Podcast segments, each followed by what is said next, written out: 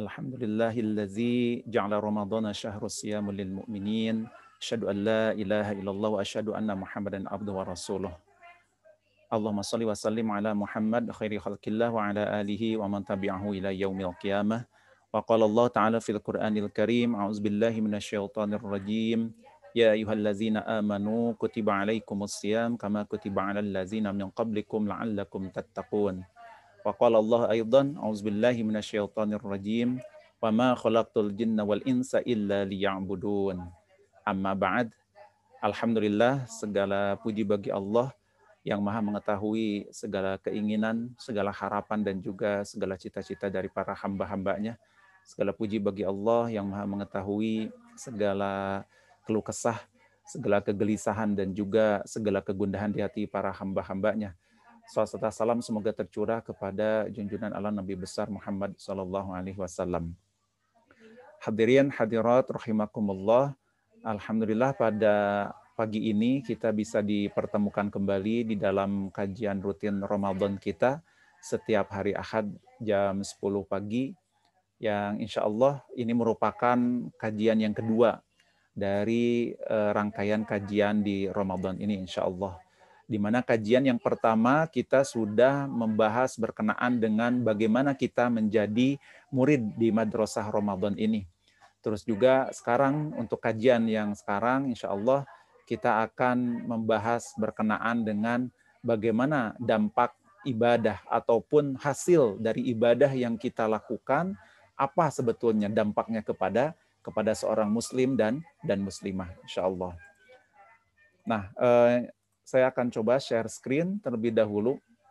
Nah, insyaallah di sini eh, saya akan membahas tentang dampak ibadah bagi seorang muslim berkenaan dengan masalah ini di dalam Islam ya dampak ataupun hasil dari satu ibadah itu disebut dengan nataij ya. Nataij itu dampak ataupun hasilnya.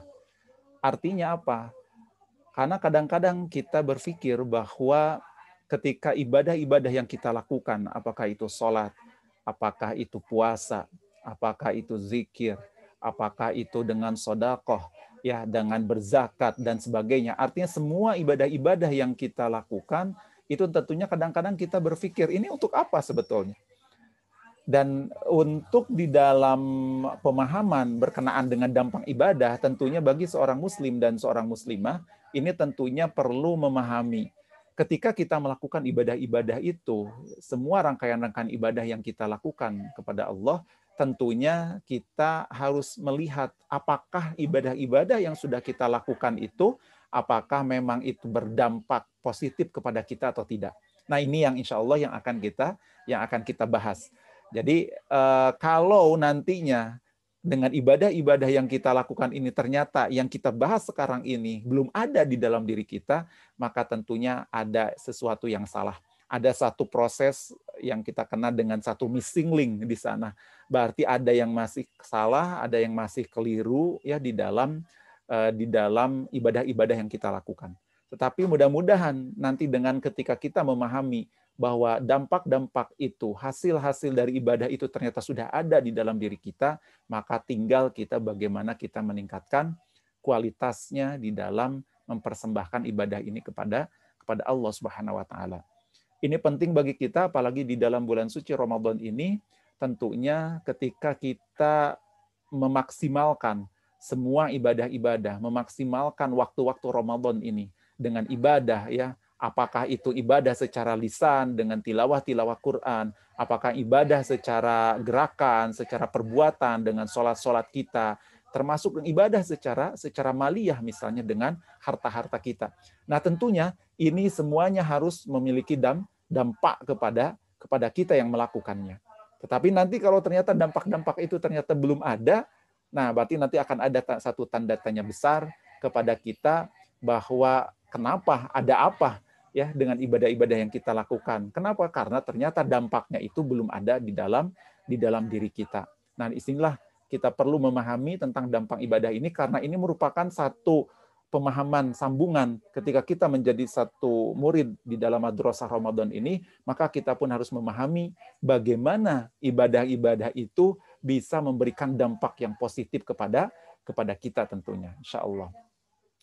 Nah, eh, hadirin hadirat rahimakumullah, tentunya kita sudah eh, mengerti dan memahami bahwa Allah Subhanahu wa taala sudah memberikan satu ketetapan ya, satu tujuan di dalam penciptaan manusia dan jin ya adalah seperti yang dimaktub di dalam surat Az-Zariyat ayat 56 di mana Allah Subhanahu wa taala mengatakan auzubillahi minasyaitonir rajim wa ma khalaqtul jinna wal insa illa liya'budun. Jadi tentunya ibadah ini bagi seorang muslim dan muslimah ini tidak bisa terpisahkan. Ya, kenapa? Karena ini merupakan tujuan Allah menciptakan menciptakan kita.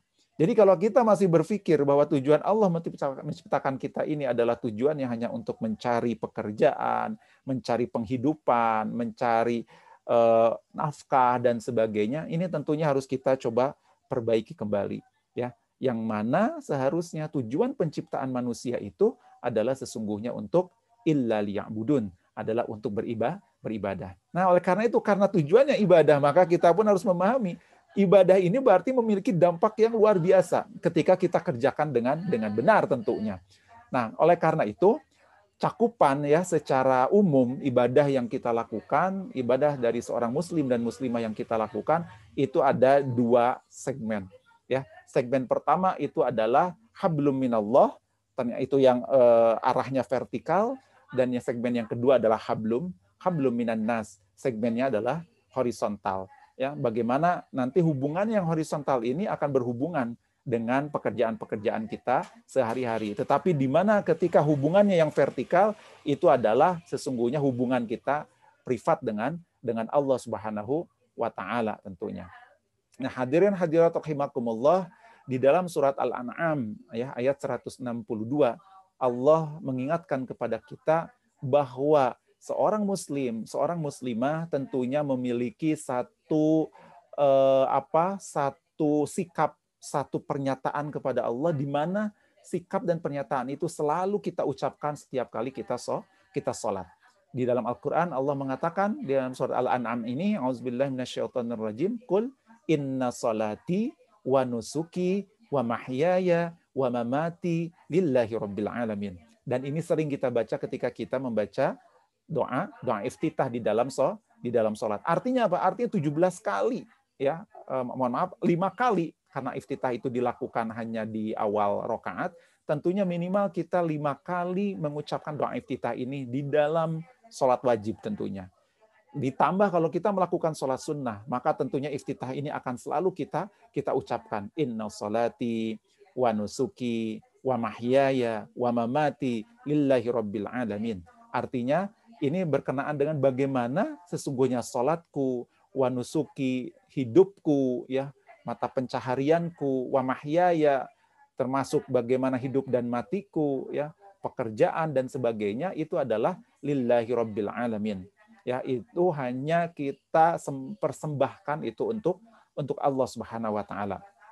Nah, oleh karena itu apa? Artinya semua aktivitas kita di dalam hidup ini yang kita lakukan itu harus kita niatkan untuk mencari ridho Allah. Lillah. Sesungguhnya semuanya lillah. Bahkan ya hatta termasuk pekerjaan kita di kampus ya, pekerjaan kita misalnya di dalam apa di dalam uh, kita sehari-hari di dalam profesi kita baik itu di kampus baik di pekerjaan di perusahaan mana pun termasuk di dalam bisnis misalnya yang kita yang kita lakukan nah maka semuanya itu kita lakukan hanya untuk lillahi rabbil alamin. Hanya untuk untuk Allah Subhanahu Subhanahu wa taala. Nah, ini yang yang paling penting yang harus kita yang harus kita uh, sikapi bersama ya bahwa ibadah yang benar menurut para ulama itu minimal ada dua syaratnya ya. Syarat yang pertama adalah lillah. Tentunya ini ikhlas. Ikhlas karena Allah, bukan karena siapa-siapa, bukan karena ada apa-apa, tetapi betul-betul ikhlas karena karena Allah Subhanahu wa taala. Dan yang kedua itu adalah ittiba, ya, ittiba'i rusul.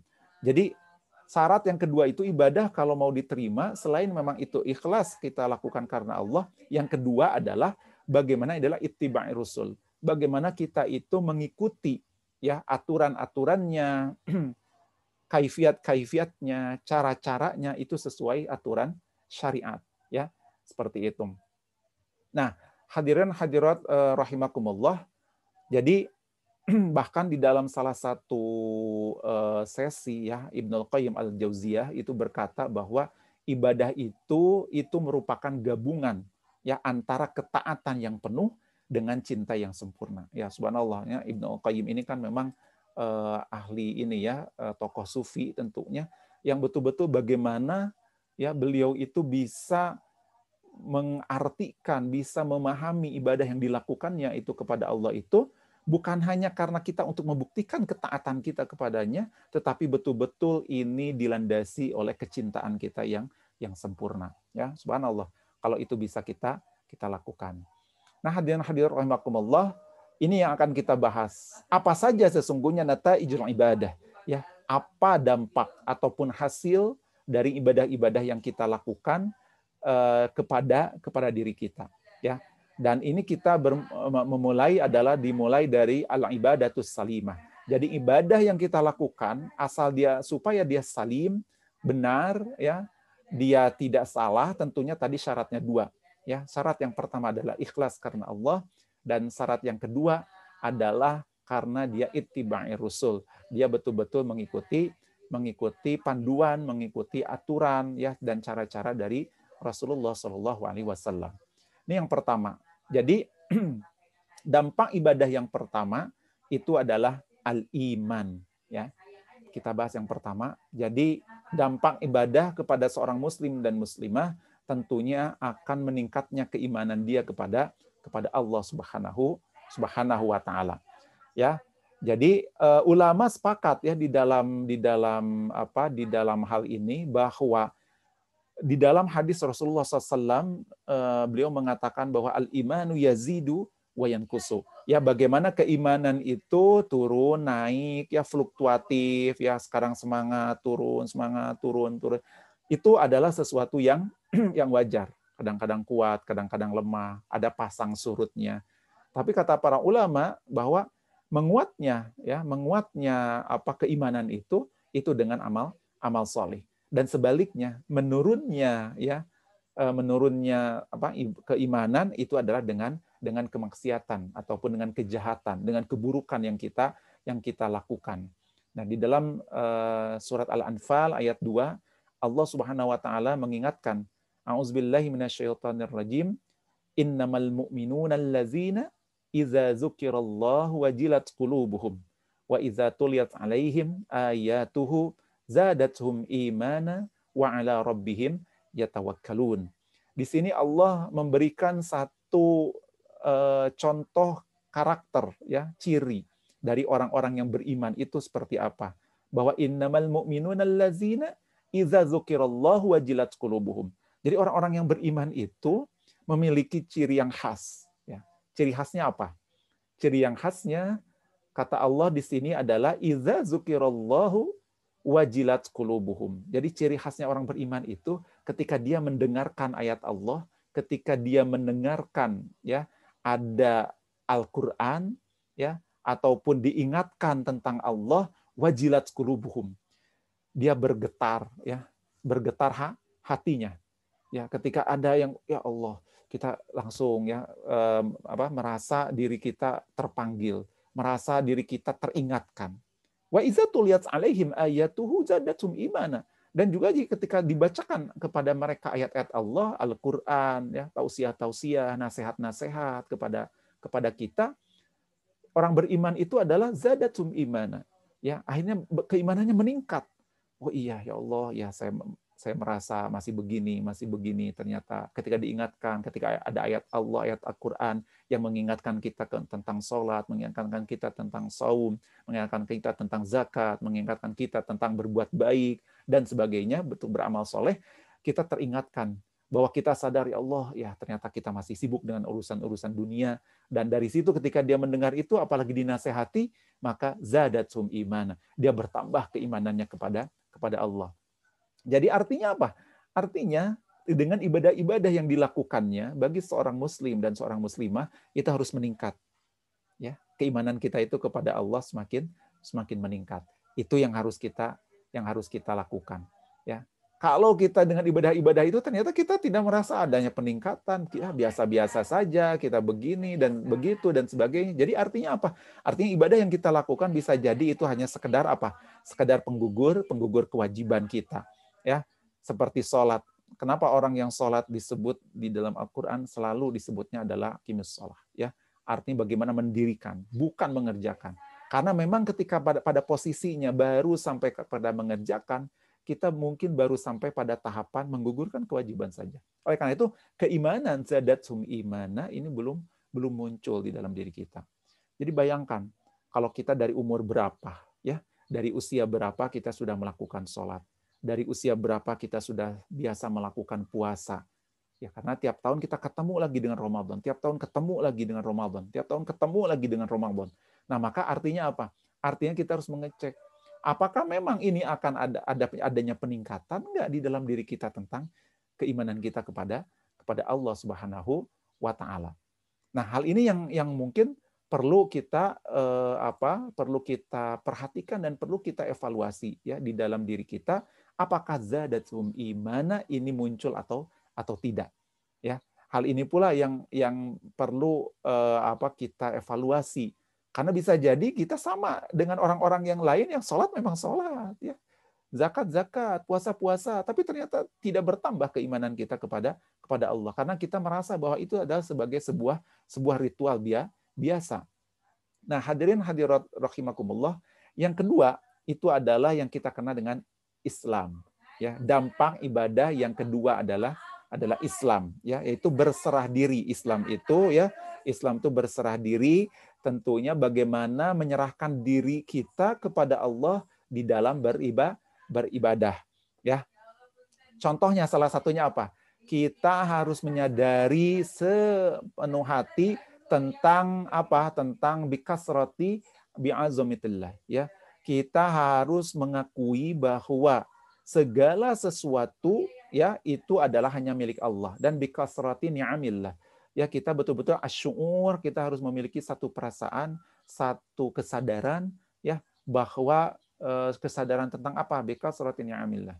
Betul-betul kita harus meyakini betul-betul kita harus me, apa yakin kepada diri kita dan mengakui, menyadari bahwa sesuatu dan semuanya yang kita miliki itu sesungguhnya milik Allah, milik Allah. Dan juga di sisi yang lain kita pun harus bisa menyadari bahwa asyur itu harus muncul dengan uh, bikasroti azbi azometillah. Kita harus mengakui dan menyadari bahwa kemahagungan Allah di dalam menciptakan semua yang memang kita kita rasakan pada saat pada saat ini tentunya. Nah, hadirin hadirat rahimakumullah ya. Ini yang paling penting bagi kita akan itu di dalam Al-Qur'an Allah mengingatkan kepada kita di dalam surat Al-Baqarah ayat 112 bala kata Allah man aslama wajhahu lillah wa huwa muhsin falahu ajruhu inda rabbih wala khaufun alaihim wala hum yahzanun. Ya jadi man aslama wajhahu lillah ya bagaimana barang siapa yang menghadapkan dirinya wajahnya itu hanya untuk Allah artinya apa kita betul-betul totalitas apa pun yang kita lakukan profesi apa pun yang sekarang kita miliki, bahwa sesungguhnya itu adalah lillah. Oleh karena kata Allah, man aslama wajahu lillah. Jadi barang siapa yang setiap hari aktivitasnya itu selalu dihubungkan kepada Allah. Selalu dihubungkan kepada Islam. Selalu dihubungkan dan ditanya apakah ini halal atau haram. Apakah ini baik atau buruk dan sebagainya. Selalu ya ingatannya itu Allah ridho enggak. Allah benci tidak kira-kira kalau saya melakukan ini kalau saya mengambil pekerjaan ini, kalau saya mengambil misalnya uang ini, kira-kira Allah ridho enggak? Kira-kira Allah benci enggak? Itu jadi wajahulillah. Intinya ke Allah, ke Allah, ke Allah pokoknya. Ya, ini aslama wajahulillah. Jadi betul-betul menyerahkan dirinya secara totalitas kepada kepada Allah Subhanahu wa taala. Wahwa muhsin dan mereka orang tersebut adalah orang yang memang berbuat baik, orang-orang yang betul-betul melakukan semuanya tuh dengan dengan baik, dengan profesional semuanya tentunya. Falahu ajruhu inda rabbih. Maka reward yang Allah siapkan, balasan yang akan Allah siapkan itu sudah ada di sisi di sisi Allah. Pahala, reward yang akan diberikan kepada kepada orang ter, orang tersebut. Wala khaufun alaihim wala hum yahzanun ya. Dan juga wala khaufun alaihim wala hum yahzanun kata Allah, maka di sana tidak akan ada satu kekhawatiran, tidak akan ada satu kesedihan ya untuk mereka itu. Kenapa? Karena mereka semuanya totalitas untuk untuk Allah Subhanahu wa taala. Jadi pada prinsipnya kalau kalau kita ambil satu apa satu statement yang lebih apa satu statement yang lebih singkat ya itu adalah bagaimana seseorang itu yang melakukan apa pun itu hanya untuk Allah dia itu nothing tulus ya dia itu nothing nothing tulus ya jadi artinya eh, bagi kita bagi mereka gitu yang betul-betul melakukan eh, satu apa perbuatannya hanya memang untuk Allah jadi Eh, mereka itu tidak akan merasa adanya satu kekhawatiran. Jadi apa pun yang mereka lakukan, apa pun yang mereka kerjakan, ketika itu semuanya adalah wajahulillah, lillah, mereka persembahkan hanya untuk Allah Subhanahu wa taala. Oleh karena kata Allah, la khaufun alaihim wa lahum yahzanun. Mereka akan nothing tulus, ya. Artinya apa? Mau ada orang yang memuji, mau ada orang yang menghina, mau ada orang yang mencela, mau ada orang yang betul-betul benci kepada dia dengan ibadah-ibadah yang mereka lakukan kepada Allah, mereka tidak peduli, ya, mereka tidak peduli. Kenapa? Karena memang tadi aslama wajahu wajahu lillah, ya. Jadi betul-betul menghadapkan dirinya pada Allah artinya semua aktivitasnya, semua kegiatannya, semua amal-amal ibadahnya itu betul-betul dia persembahkan hanya untuk hanya untuk Allah. Jadi kalau kita bedakan ya, kalau kita bekerja, kalau kita kuliah, kalau bagi mahasiswa, tentunya kadang-kadang berpikiran bahwa kita itu ketika senangnya itu ketika kalau kita jadi mahasiswa senangnya ketika memang ada dosen yang memuji kita. Kalau ketika ada dosen yang membenci kita, wah kita langsung ya mungkin jadi merasa jadi pikiran dan sebagainya. Nah, kita pun mungkin ya bagi seorang karyawan, dosen ya ataupun tenaga kependidikan, tentunya ketika melakukan sesuatu, mengerjakan sesuatu, ya kita pun kadang-kadang ya patokannya itu biasanya bagaimana atasan kita mungkin melihat pekerjaan kita. Nah, tetapi bagi seorang muslim dan muslimah itu harus ada yang lebih ya, yang lebih lagi dari itu semua bahwa betul-betul man aslama wajahu lillah seperti di dalam ayat ayat ini betul-betul semua pekerjaannya itu memang dia untuk mencari keriduan Allah. Oh, tapi gimana dong nanti kalau dapat dari atasan, dapat reward, dapat pujian, itu mah sampingan. Ya, jadi artinya justru itu sampingan, karir, fungsional, semua itu itu sampingan sebetulnya. Jangan, jangan jadi tujuan utama ya kalau bagi seorang muslim dan muslimah itu itu jangan jadi tujuan utama tapi tujuan utama kita adalah wajahulillah tujuan utama kita adalah bagaimana aktivitas pekerjaan kita, baik itu kita menjadi seorang dosen, baik kita menjadi seorang karyawan, ya, tapi tentunya bagaimana kita bisa menjadi dosen dan karyawan yang ataupun mahasiswa yang betul-betul itu diridhoi di sisi di sisi Allah Subhanahu wa taala. Itu yang kita yang kita tuju. Tapi kalau masalah rewardnya, karirnya, ya mungkin fungsional kita dan sebagainya, apa yang akan kita dapatkan, itu insya Allah selama kita bekerja itu otomatis sudah akan kita akan kita dapatkan. Tetapi yang belum jelas ini adalah pahala dari dari Allah Subhanahu wa taala. Itu yang harus kita yang harus kita kejar tentunya ya kalau kita ingin memiliki dampak yang positif dari uh, ibadah kita kepada kepada Allah Subhanahu wa taala. Yang berikutnya, hadirin uh, hadirat rahimakumullah, dampak uh, ibadah ataupun nataij al ibadah ya di dalam diri seorang muslim dan muslimah itu adanya yang kita kenal dengan sifat dengan sifat ihsan ya dengan sifat ihsan. Jadi seseorang yang beribadahnya benar itu akan muncul di dalam dirinya itu sifat sifat ihsan. Sifat ihsan itu apa jadi ihsan ini merupakan salah satu parameter untuk menguji mengukur kualitas ibadah kita. Ya itulah ihsan. Terus bagaimana ihsan itu?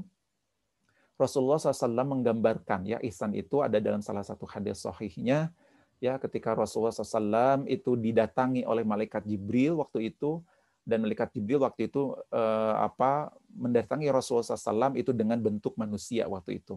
Pada ketika itu Rasulullah SAW berada dengan para sahabat dan ternyata datang salah seorang. Kalau Umar bin Khattab uh, melihat apa, meng, apa mem, menceritakannya itu adalah dia menggunakan uh, memakai pakaian yang serba putih ya, rambutnya hitam sekali, terus juga ternyata tidak ada bekas-bekas perjalanan dari dari wajahnya dan tubuhnya. Jadi uh, kata Umar waktu itu bahwa tidak terlihat satu bekas perjalanan dari orang tersebut, tetapi kita pun tidak ada yang mengenalnya. Jadi artinya kan kalau dulu itu biasanya kalau orang yang sudah perjalanan jauh karena mengarungi uh, gurun pasir ya, padang pasir itu akan terlihat ya bekas-bekas apakah mungkin agak kusut terus juga ada debu-debu yang menempel baik uh, di rambut, baik di uh, tubuhnya ya ataupun di pakaiannya dan sebagainya. Itu akan terlihat kalau ada orang yang bepergian jauh misalnya untuk menemui Rasulullah SAW. Tetapi ketika itu Umar bin Khattab melihat bahwa dia tidak melihat tanda-tanda itu pada pada orang tersebut. Tetapi berarti kan kalau tidak ada tanda-tanda seharusnya dia orang sekitar sekitar di eh, lingkungan Rasulullah SAW. Tapi ternyata kata Umar pun kami pun tidak ada yang mengenalnya orang tersebut. Dan oleh karena itu di dalam akhir hadisnya kalau kita baca itu ternyata yang mendatangi Rasulullah SAW itu adalah malaikat malaikat Jibril. Dan malaikat Jibril waktu itu eh, ingin mengajarkan kepada Rasulullah SAW tentang iman, tentang Islam dan juga tentang tentang ihsan. Dan ketika uh, Rasulullah SAW ditanya oleh malaikat Jibril tentang ihsan, maka Rasulullah SAW menjawab bahwa ihsan itu definisinya adalah anta'budallah ka'annaka tarahu fa illam takun tarahu fa yaraka. Jadi di dalam hadis yang diriwayatkan oleh Bukhari ini Rasulullah SAW menggambarkan ya menjelaskan definisi ihsan sebagai salah satu ini bentuk dampak positif dari ibadah seorang muslim dan muslimah itu harus muncul sifat ihsan di dalam di dalam dirinya. Apa itu ihsan? Maka Rasulullah SAW menjawabnya, ihsan itu adalah anta'budallah ka'annaka tarohu. Ya. Kamu beribadah kepada Allah ka'annaka seakan-akan kamu itu melihat Allah. Ya, itu ihsan. Jadi beribadahlah kita kepada Allah seakan-akan kita melihat melihat Allah. Jadi artinya kalau kita mungkin bisa melihat Allah, beribadahlah seperti itu. Jadi kalau kita beribadah seakan-akan yakinkan ketika kita ibadah itu kita seperti melihat Allah. Fa'illam takun tarohu, kata Rasulullah SAW. Dan juga kalau ternyata kamu tidak bisa melihat Allah, dan memang kita tidak mungkin, dengan keterbatasan kita fa'ilam takun tarohu dan kalau kamu tidak mungkin dan tidak bisa melihat Allah maka fa'innahu yaroka. Maka yakinkan di dalam diri kita ketika kita beribadah itu apa? Fa'innahu yaroka. Yakinkan sesungguhnya Allah melihat ki melihat kita. Jadi artinya apa artinya sifat ihsan itu mengajarkan kepada kita untuk selalu kita merasa diawa diawasi oleh oleh Allah Subhanahu wa taala. Jadi kita harus bisa merasa diawasi. Ya. Jangan sampai kalau kita tidak muncul perasaan ihsan di dalam diri kita, maka kita melakukan ibadah itu ya seadanya saja. Asal-asalan kita melaksanakan ibadahnya. Ya. Ya kita melakukan begini ya udah begini. Wah, kita mau buru-buru ya cepat-cepat selesai sudah. Tapi kalau kita merasa bahwa Allah melihat kita, maka yakin akan muncul perasaan di dalam diri kita kalau kita melakukan ibadahnya asal-asalan kita mah kita malu. Kenapa malu? Karena kita yakin kita merasa bahwa Allah melihat melihat kita. Nah, inilah ihsan. Jadi kalau ibadah kita berkualitas dengan baik, maka akan dampak positifnya kepada diri kita itu adalah munculnya sifat ih, sifat ihsan di dalam diri di dalam diri kita. Sifat ihsan ini luar biasa ya hadirin hadirat Allah, bukan hanya dalam ibadah nantinya. Ketika seseorang sudah membiasakan di dalam dirinya sifat ihsan, ya, maka dia pasti akan membiasakan sifat ihsan itu di setiap perbuatan ataupun aktivitas yang yang lainnya. Jadi bukan hanya nanti, bukan hanya dalam ibadah saja, bukan hanya dalam ketika kita sholat, dalam kita puasa, dalam kita zakat, ya, dalam kita misalnya zikir dan sebagainya, itu bukan hanya itu tetapi kita akan bawa sikap ataupun sifat ihsan itu ke dalam setiap aktivitas kehidupan kita. Ketika kita ngajar, kita yakin Allah melihat kita gitu. Bukan kaprodi, bukan kajur, bukan direktur ya yang kita yakini sehingga akan muncul apa? Akan muncul tetap kesadaran penuh bahwa apa yang harus kita lakukan ini untuk mempersembahkan pengajaran yang terbaik, untuk mempersembahkan bimbingan yang terbaik. Kenapa? Karena Allah melihat saya. Kalau saya membimbingnya tidak baik, kalau saya mengajarnya tidak baik, maka saya khawatir, saya malu karena Allah melihat melihat saya. Nah, ini luar biasa.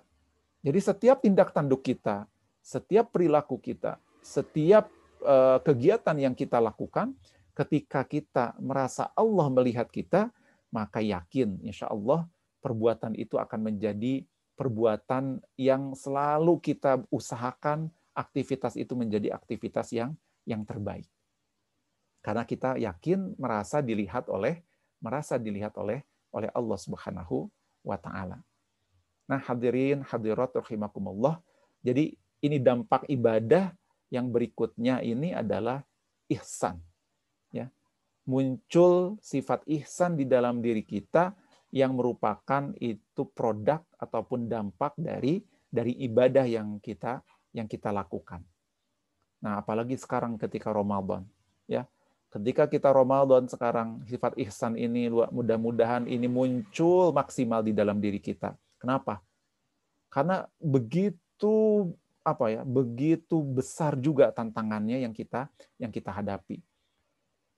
Di luar Ramadan saja, kadang-kadang mungkin ya, kalau kita lagi mau ngaji, ya mau tilawah, mau beramal-amal ibadah yang lain, yang sunnah-sunnah, itu godaannya kan banyak kalau di Ramadan kadang-kadang kita terpicu dengan lemesnya ya, dengan rasa laparnya, dengan rasa hausnya, dahaganya yang kita rasakan, itu kadang-kadang akhirnya mungkin kasus-kasus tertentu ini membuat kita akhirnya turun semangat ya, turun motivasi ya di dalam eh, di dalam aktivitas-aktivitas kita.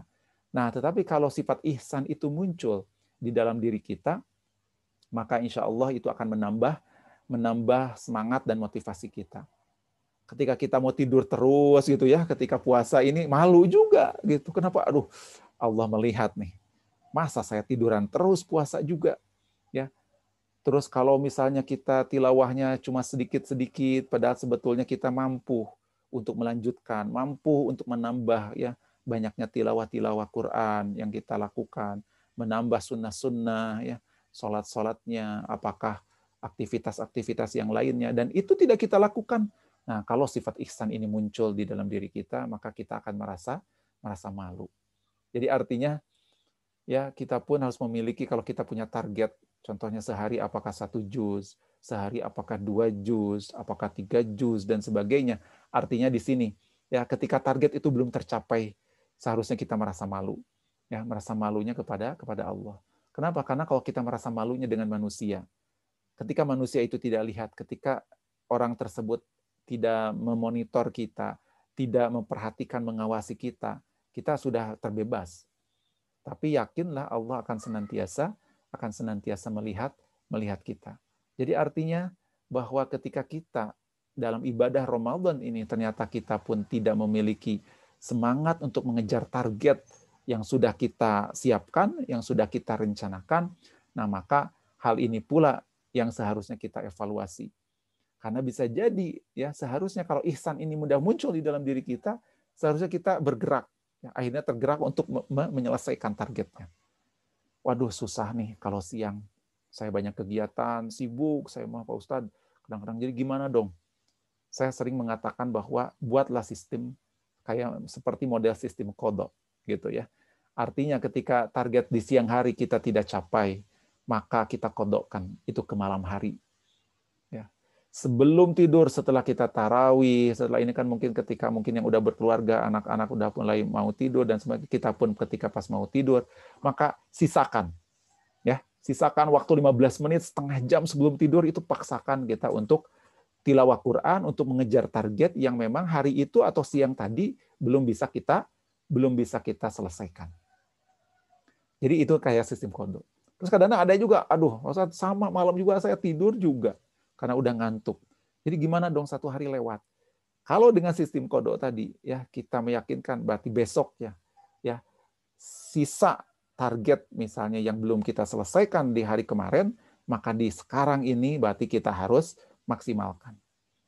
Jadi artinya apa? Artinya ketika di weekday kita sulit mengejar target itu, maka boleh kita kodok semuanya masukin di kita masukkan di dalam weekend. Ya, di dalam weekend eh, Sabtu Ahad itu kita maksimalkan. Waduh, tapi banyak juga saya kegiatan Sabtu Ahad. Nah ini, kalau weekday saja banyak, weekend juga banyak, sekarang pertanyaan yang besarnya kepada diri kita, ya kita itu sebetulnya ngapain? Kalau ternyata semuanya pun terus kita lakukan untuk masalah dunia, dunia. Apakah tidak cukup ya masalah dunia itu di weekday saja selesai misalnya? Apakah tidak cukup misalnya dengan beberapa hari saja kita mengurusi urusan urusan duniawi kita? Di weekend misalnya itu kita alokasikan khusus pokoknya untuk mencapai targetan-targetan yang tidak bisa kita capai di dalam hari-hari hari-hari biasa misalnya. Nah, itu kita harus memiliki eh, mekanisme seperti itu ya. Oleh karena para ulama mengatakan kalaupun tidak bisa di hari itu kita capai target kita, kita capai misalnya apa rencana kita di dalam tilawah-tilawah kita ya di dalam ibadah-ibadah yang lain, maka kita buat dengan sistem sistem kodok ya. Hari ini nggak selesai ya besoknya. Ya, besok tidak selesai juga besoknya terus sampai akhirnya kalau memang di weekday sulit, maka kita lakukan di di weekend. Tapi kita buatlah khusus waktu khusus yang tidak boleh kita ganggu. Kalau memungkinkan malah WhatsApp juga kita simpan saja HP itu. Ya, notifikasinya kita matikan dan sebagainya. Pokoknya kita jadikan itu waktu khusus untuk bisa kita capai segala targetan-targetan yang kita miliki di dalam Ramadan ini. Hadirin hadirin rahimakumullah, sekali lagi ini sangat sayang ya. Ini Ramadan tidak akan datang dua kali belum tentu tahun depan pun kita akan bertemu lagi dengan Ramadan. Oleh karena itu kita harus memiliki sikap jangan sampai terganggu. Kalau kita sudah alokasikan, khususkan waktu ngaji-ngaji, pokoknya saya tidak mau diganggu oleh hal-hal yang lain. Setelah itu baru. ya Kecuali kalau ada telepon itu penting, emergensi, darurat, ya mangga, silahkan. Tapi kalau yang lain-lain, ntar saja. Masa kita ketika kita mencoba setengah jam, satu jam khusus saja untuk ngaji, ya masa tidak bisa? Itu harus kita tanyakan kepada diri kita Bahkan ketika kita mengurusi urusan duniawi kita, mengurusi urusan pekerjaan-pekerjaan kita, satu jam, dua jam, tiga jam, bahkan ada yang mengajar dari pagi sampai sore, ternyata tidak merasa tidak merasa lelah. Kita masih bisa melakukan itu. Tapi kenapa dengan urusan-urusan akhirat? Ya, urusan-urusan amal ibadah, kita untuk mengalokasikan setengah jam, satu jam saja, kita ternyata berat. Ya. Nah inilah tadi, kalau sifat ihsan ini muncul, di dalam diri kita, maka kita malu biasanya. Aduh, Allah melihat kita, melihat saya ternyata masih sibuk dengan urusan dunia. Aduh, Allah melihat saya masih sibuk saja dengan urusan-urusan kampus, urusan-urusan pekerjaan, ngajar, ya, eh, penelitian, pengabdian dan sebagainya. Harus ada alokasi khusus yang tidak boleh kita kita ganggu ya dengan kegiatan kegiatan apa pun. Nah, oleh karena itu faktor untuk menstimulus itu semua itu adalah dengan munculnya sifat ihsan di dalam di dalam diri kita karena kita merasa dilihat oleh Allah. Jadi malu kalau target sekarang aduh hari ini belum tercapai, kejar. Tidak bisa siang, alokasikan ke malam. Satu hari itu tidak bisa besok kodenya. Tidak bisa lagi besoknya lagi sampai kita alokasikan di di weekend untuk bisa mengejar mengejar target kita pengalaman saya itu biasanya kita di awal-awal ya. Ketika kita sudah tilawah, memulai tilawah dengan hati dan pikiran yang bersih, itu biasanya kita itu terbawa suasana. Ya, Bu, terbawa terbawa terbawa suasana. Jadi artinya kadang-kadang kita menikmati tengah ngaji itu eh akhirnya satu jam itu ternyata ternyata akan uh, mudah ya.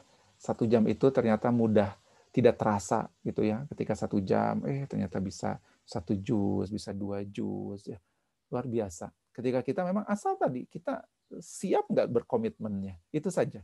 Nah ini kadang-kadang dikhususkan oleh karena itu kita harus memiliki manajemen waktu yang baik. Bagi ibu-ibu tentunya yang di rumah eh, dengan Ramadan ini boleh kita memiliki waktu khusus untuk misalnya memasak, waktu khusus untuk menyiapkan eh, takjil ya, untuk berbuka puasa dan sebagainya silahkan Karena itu bagian ibadah juga tentunya. Nah, tetapi kita harus memiliki manajemen waktu yang baik. Oke, saya mulai masak dari jam sekian sampai jam sekian.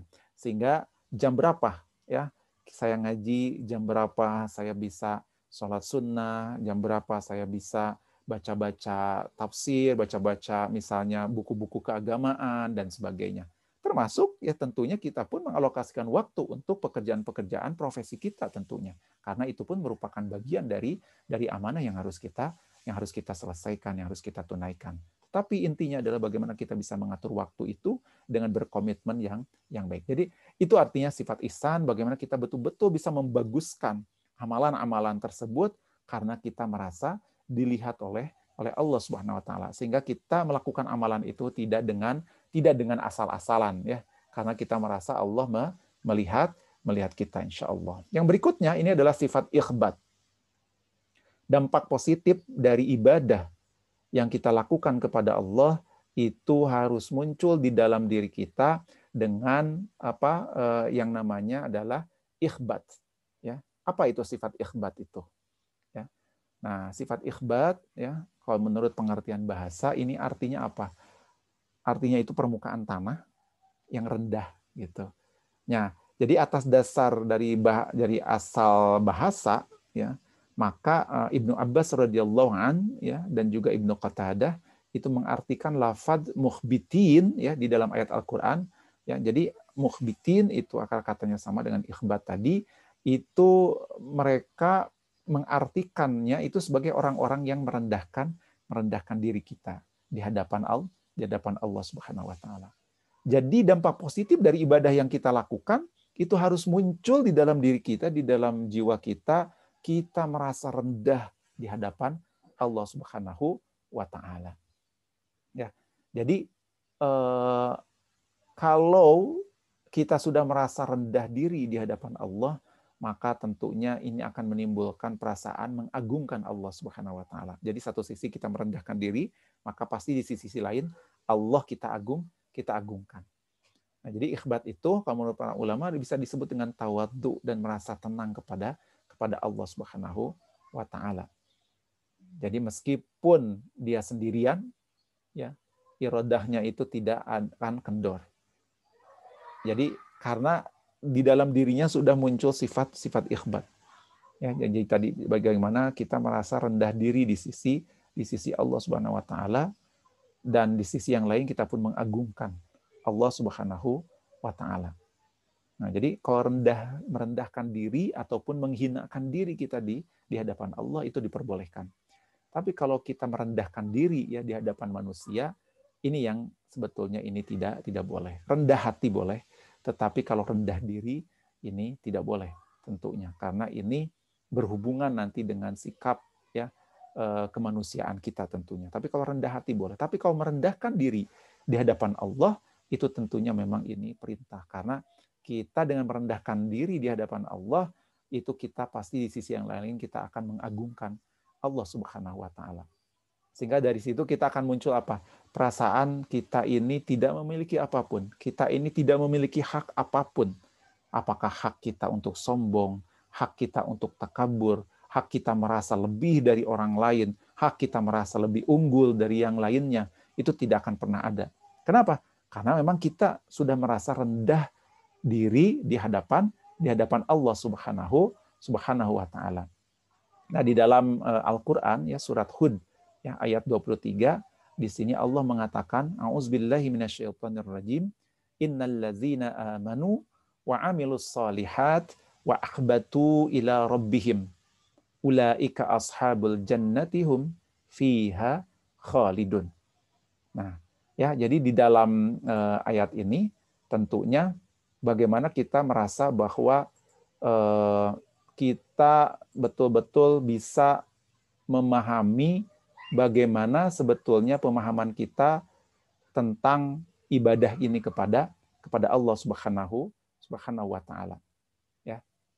Jadi di sini ikhbat sekali lagi kata Allah innallazina amanu wa amilus solihat sesungguhnya orang-orang yang beriman wa amilus solihat dan melakukan amal-amal soleh, amal-amal kebaikan wa akhbatu ila rabbihim dan juga dia atau mereka merendahkan dirinya di sisi Allah Subhanahu wa taala.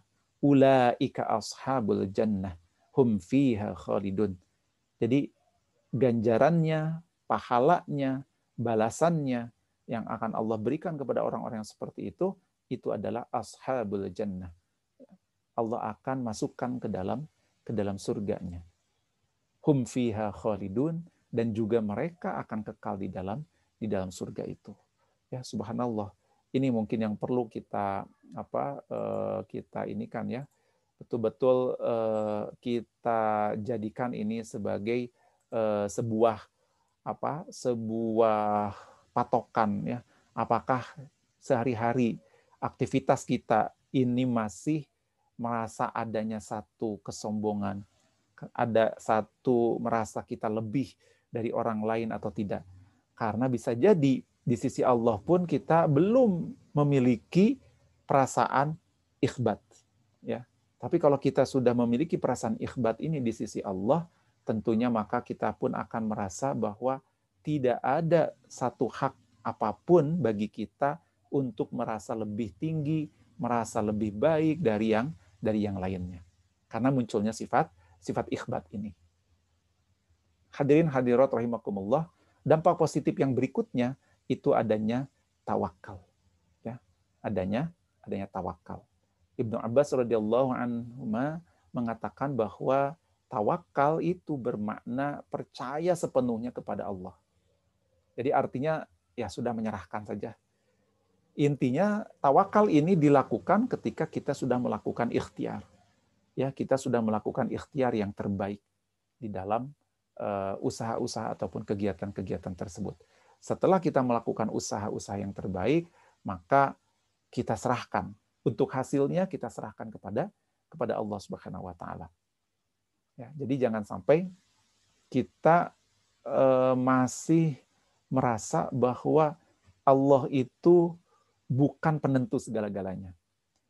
Kenapa? Karena orang-orang yang tawakal itu sudah meyakini bahwa sesungguhnya apa pun ya yang akan terjadi itu sebetulnya semuanya atas izin atas izin Allah. Jadi artinya apa pun yang bisa kita lakukan, yang kita lakukan hanya tawakal saja yang bisa kita lakukan. Ya. Jadi jangan sampai uh, kita merasa bahwa apa yang kita lakukan itu pasti misalnya sesuai dengan apa yang kita ikhtiarkan. Betul satu sisi, tapi tentunya ada lagi satu lapisan ya bagaimana Allah ini akan memberikan satu keputusan. Kadang-kadang ya di dalam kehidupan kita, ya di dalam aktivitas kita, kita sudah merasa melakukan yang terbaik. Tapi ternyata hasil yang kita dapatkan ternyata tidak sesuai dengan harapan. Nah, inilah kalau orang yang tawakal itu dia sudah dengan sudah ikhtiar yang terbaik ya sudah serahkan sepenuhnya kepada kepada Allah Subhanahu wa taala. Oleh karena itu di dalam Al-Qur'an itu disebutkan juga bahwa eh, bagaimana orang-orang yang bertawakal itu sesungguhnya dia betul-betul mencukupkan saja hanya Allah baginya ya fahuwa hasbuh Imam Ahmad mengatakan bahwa tawakal itu berarti memutuskan pencarian disertai keputusasaan terhadap makhluk. Jadi artinya apa? Keputusasaan terhadap makhluk tapi optimisnya hanya pada Allah.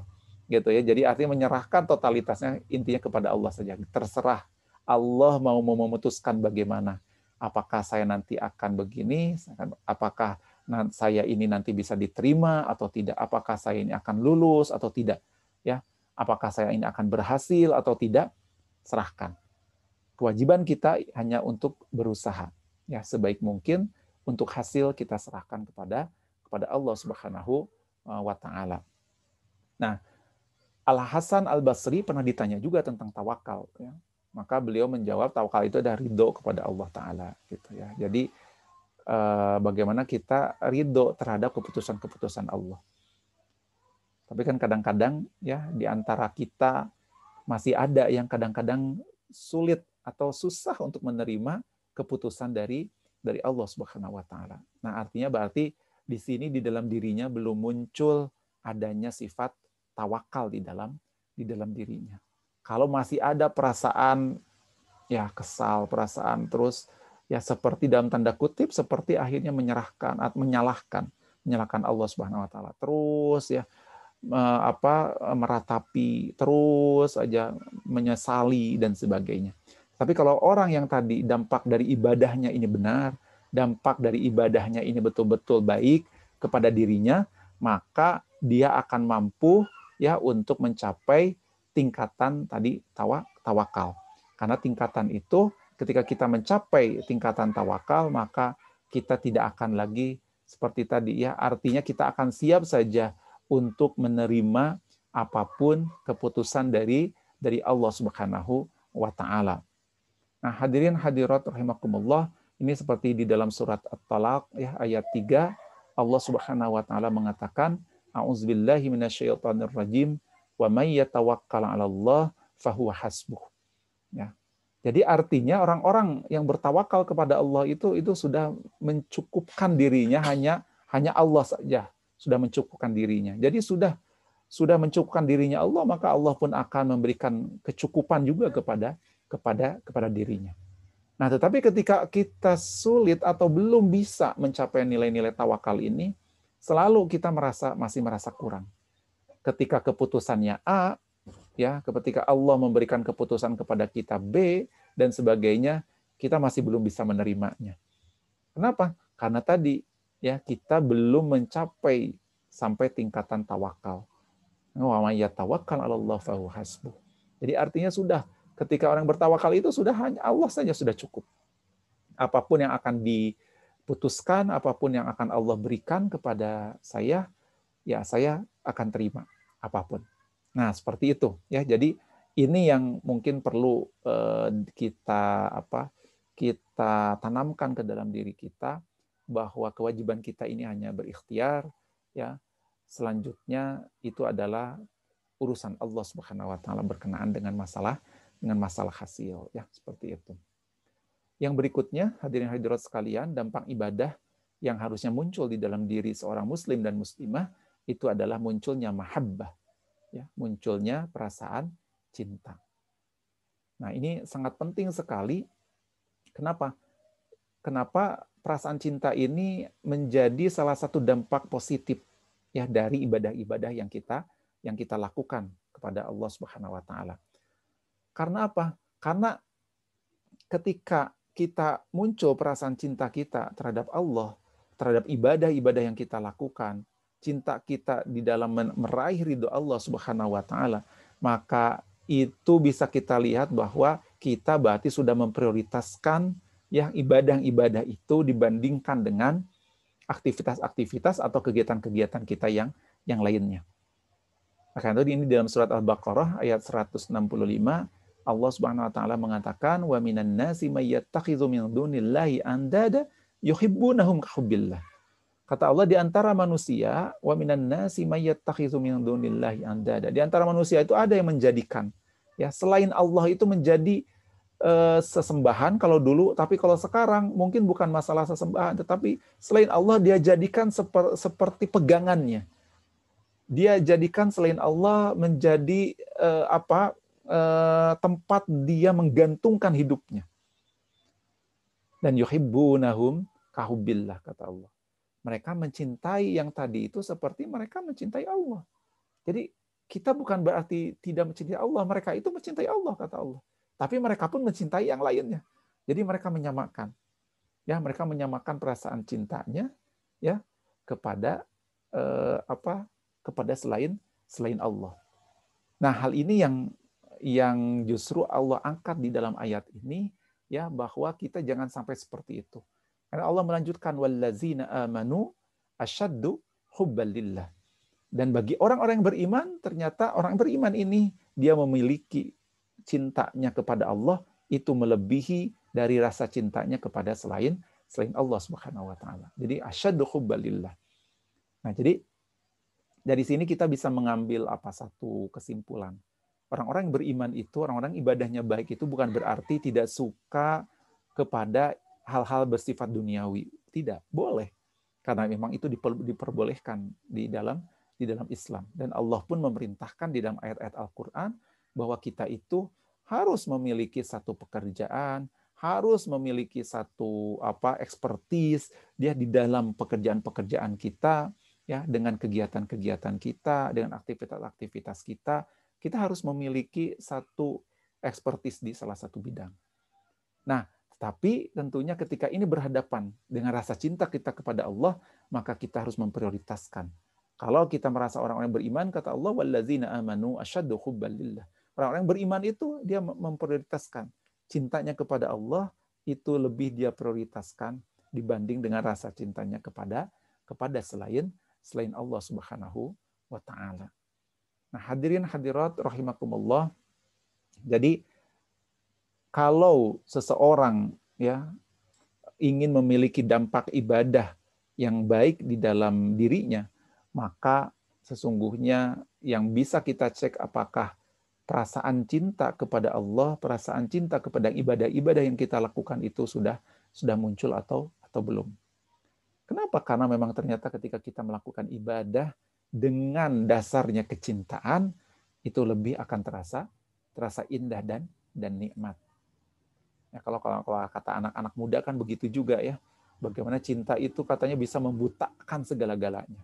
Ya, dengan cinta itu, wah seseorang itu bisa berbuat sesuatu yang yang di luar nalar kita. Ya, atas dasar cinta pun seseorang itu berani ya untuk menerjang lautan, ya, untuk mengarungi samudra, ya, dan terus juga untuk mendaki gunung dan sebagainya atas dasar cinta. Nah, maka kalaupun kita ingin ya ibadah kita ini menjadi lebih berkualitas dengan baik, maka kita harus memiliki dasar cinta ini di dalam kita melaksanakan ibadah kita sehari-hari.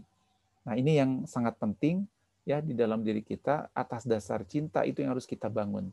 Sehingga ibadah-ibadah yang kita lakukan insya Allah ini akan lebih terasa terasa nikmat ya dan terasa terasa indah, bukan terpaksa gitu. Tapi karena dasarnya cinta, akhirnya kita ya fine-fine saja katanya. Akhirnya kita tenang-tenang saja, lancar-lancar saja. Oh, targetan tilawah, ngaji, berapa halaman, berapa juz. Ternyata itu bisa kita bisa kita capai. Kenapa? Karena dasarnya cinta juga. Ya, atas dasar dasar cinta kita kepada kepada Allah Subhanahu wa taala. Jadi ibadah itu akan menjadi sesuatu yang kita yang kita rindukan, bukan menjadi be, bukan menjadi beban. Wah, subhanallah ya. Tabarakar Rahman. Kalau kita bisa sampai seperti ini luar biasa. Bagaimana ibadah itu menjadi sesuatu yang kita yang kita rindukan, bukan menjadi sesuatu yang menjadi beban di dalam diri di dalam diri kita. Kan kalau yang udah kita rindukan luar biasa kan ya. Jadi kalau kita belum tilawah itu, waduh iya belum tilawah saya. Akhirnya memang karena memang ada satu kerinduan dari tilawah, ada kerinduan di dalam sholat, ada kerinduan di dalam tarawih, ada kerinduan di dalam sholat-sholat sunnah, di dalam puasa, di dalam zikir, di dalam sodakoh, dan sebagainya. Sehingga kalau kita belum melaksanakan, kita merasa ada sesuatu yang kurang. Apa ya? Oh iya, saya ternyata belum. Belum tilawah hari ini. Oh, saya ternyata belum sodakoh hari ini. Oh, ternyata saya belum sholat sunnah hari ini. Dan sebagainya. Nah, ada sesuatu yang kita rindukan. Bukan kita jadikan itu sebagai sebuah sebagai sebuah beban ya. Nah, ini yang uh, yang perlu kita uh, pahami bersama. Di dalam surat At-Taubah ayat 24 Allah Subhanahu wa taala memberikan informasi kepada kita bahwa yang bisa menggelincirkan cinta kita ya yang tadinya cinta kita kepada Allah terus akhirnya terkurangi, terreduksi terus ya, yang akhirnya terus berkurang rasa cinta kita kepada Allah, faktor-faktor apa saja. Nah, di dalam At-Taubah ayat 24 ini Allah mengingatkan kepada kita bahwa ada faktor-faktor yang bisa meninabobokan, me, apa, mengabaikan cinta kita kepada kepada Allah, sehingga cinta kita kepada Allah itu akan semakin tereduksi, semakin ter semakin terkurangi. Makanya di dalam ayat ini Allah mengatakan kul in kana abaukum wa abnaukum wa ikhwanukum wa azwajukum wa ashiratukum. Ya. Ini kalau ibu-ibu dan bapak-bapak para mahasiswa mungkin lihat, ini ada faktor 1, 2, 3, 4, 5. Dan faktor 5 ini abaukum wa abnaukum wa ikhwanukum wa azwajukum wa ashiratukum. Lima faktor yang Allah sebut di awal, ini ternyata ini faktor keluar keluarga. Ya. Artinya apa? Artinya faktor yang bisa menyibukkan kita dan akhirnya memalingkan cinta kita kepada Allah, faktor yang paling utama itu adalah biasanya faktor keluarga. Apakah ini aba hukum ya dari orang tua orang tua kita? Apakah wa abna hukum ini dari anak-anak yang kita miliki? Terus juga wa ikhwanukum, apakah dari saudara-saudara kita? Wa azwajukum dari pasangan hidup kita yang sudah berkeluarga. Wa asyiratukum dan juga dari kerabat-kerabat kerabat-kerabat kita ya wa amwalun tumuha dan juga dari harta-harta ya yang kita yang kita sedang cari yang kita sedang usahakan. Jadi artinya apa dengan pekerjaan-pekerjaan yang kita sedang sekarang geluti itu pun bisa memalingkan cinta kita kepada kepada Allah Subhanahu wa taala. Wa tijaratun takhshawna kasadaha dan juga bisa jadi dari bisnis-bisnis yang berwirausaha ya, yang memiliki bisnis ya, maka tasyauna kasada karena kita khawatir bisnis kita itu rugi misalnya kalau kita lebih khusyuk dengan ibadah-ibadah kepada Allah. Nah, fenomena Ramadan ini kan ya satu sisi kalau kita bisa lihat semarak ya. Kalau dibanding tahun lalu lah mungkin, apalagi kalau dalam kondisi normal tentunya kita bisa melihat bagaimana semaraknya kalau Ramadan itu masjid-masjid ramai ya penuh ya ibadah-ibadah yang ngaji, tadarus dan sebagainya itu ternyata banyak. Wah, itu kan luar biasa sebetulnya.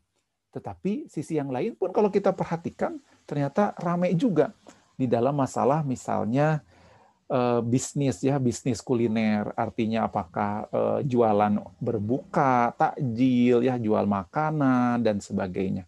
Nah, hal ini yang harus kita pahami dan kita perhatikan jangan sampai kalau kita memang di profesi yang seperti itu kita jualan ya, kita buat makanan-makanan seperti itu, jangan sampai akhirnya melenakkan kita, akhirnya menina bobokkan kita sehingga ibadah-ibadah yang seharusnya kita lakukan, ibadah-ibadah yang seharusnya kita kerjakan, target-target tercapai, ternyata watijaratun takhshawna kasadah.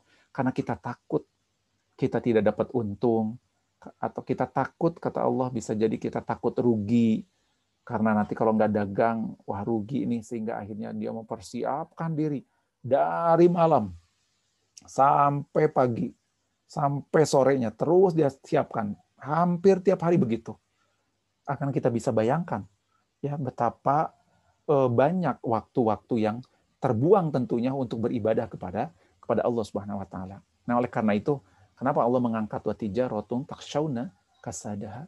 Ya, karena bisa jadi bisnis-bisnis yang kita punyai, profesi, kalau kita dalam sebagai penjual misalnya, kita punya bisnis, kita punya uh, apa proyek dan sebagainya, kita khawatir ketika kita khusyuk dengan beribadah kepada Allah ini hilang. Gitu. Akhirnya apa? Akhirnya kita lebih memilih apa? Lebih memilih bisnis tersebut, lebih memilih proyek tersebut. Akhirnya, ya. Wa masakinu tardawnaha dan juga dari tempat-tempat tinggal yang kita miliki, ya kadang-kadang apa eh, begitu luar biasanya ketika kita ingin mencari dari rumah yang tadinya kontrakan ingin punya rumah sendiri setelah punya rumah sendiri juga ingin punya rumah yang lebih besar lagi. Tidak cukup satu ingin punya dua punya tiga dan sebagainya. Ya itu pun bisa memalingkan akhirnya kita semangat untuk mencari tadi. Ya mencari lebih-lebihnya tadi kita terlalu bersemangat di area tersebut tapi kita lupa di area yang paling hakiki, yaitu bagaimana kita selalu menumbuhkan dan memiliki rasa cinta kita kepada kepada Allah Subhanahu Subhanahu wa taala. Nah, hal ini ya yang mungkin perlu kita evaluasi tentunya. Dan di dalam hadis ya eh, muttafaq alaih ini pun disebutkan ya salasun man kunna fihi wajada halawatal iman. Ya. Jadi salah satu kriteria dari tiga kriteria. Ya, dari tiga kriteria yang di mana orang tersebut akan merasakan nikmatnya iman, akan merasakan lezatnya iman. Maka sesungguhnya kriteria, salah satu kriteria yang paling penting di sana adalah ayyakunallahu wa rasuluh ahabbu ilaihi mimma siwahuma. Jadi menjadikan Allah dan Rasulnya itu di tempatan di tempat yang pertama di dalam kita menyerahkan rasa cinta kita kepada kepada Allah dan Rasulnya. Nah, kalau itu yang sudah bisa kita lakukan, maka insya Allah keimanan itu akan kita bisa rasakan menjadi keimanan yang manis, menjadi keimanan yang lezat. ya di dalam hadisnya seperti seperti itu. Yang berikutnya apa? Yang berikutnya adalah dampak positif dari satu ibadah yang kita lakukan akan muncul apa? Roja dan khauf. Ya, akan muncul roja dan dan khauf yaitu harapan dan ketakutan. Ya. Jadi kalau kita beribadahnya dengan benar, dengan ibadah yang salim, ya, yang lurus, ya akan muncul di dalam diri kita rasa khauf, yaitu rasa takut. Rasa takut bagaimana? Rasa takut kita merasa bahwa jangan-jangan ibadah kita tidak diterima nih oleh Allah Subhanahu wa taala ada ya kekhawatiran itu, ketakutan itu akan ada di dalam diri kita. Tapi meskipun begitu, kita pun sisi yang lain kita harus memiliki senantiasa memiliki perasaan apa? Sifat roja. Ya, roja. Bagaimana kita memiliki harapan, pengharapan kepada Allah Subhanahu wa taala karena Allah Maha Pengasih dan Penyayang, ya. Akhirnya kita berharap terhadap apa? Kemurahan Allah, pengampunan dan kasih sayang dari dari Allah Subhanahu wa taala. Jadi artinya apa? Artinya di sini kita terus memiliki satu sisi kita memiliki satu perasaan khawatir ibadah kita ini tidak diterima karena ibadah kita mungkin belum sempurna, ibadah kita mungkin masih banyak kekurangan dan sebagainya. Ada kekhawatiran itu. Tapi di sisi lain kita pun berharap bahwa dengan kemaha pemurahannya Allah, dengan dengan maha kasih sayangnya Allah, maka kita pun bisa memiliki satu harapan bahwa insya Allah ya karena Allah maha pengasih dan penyayang maka insya Allah Allah pun bisa menerima ibadah kita.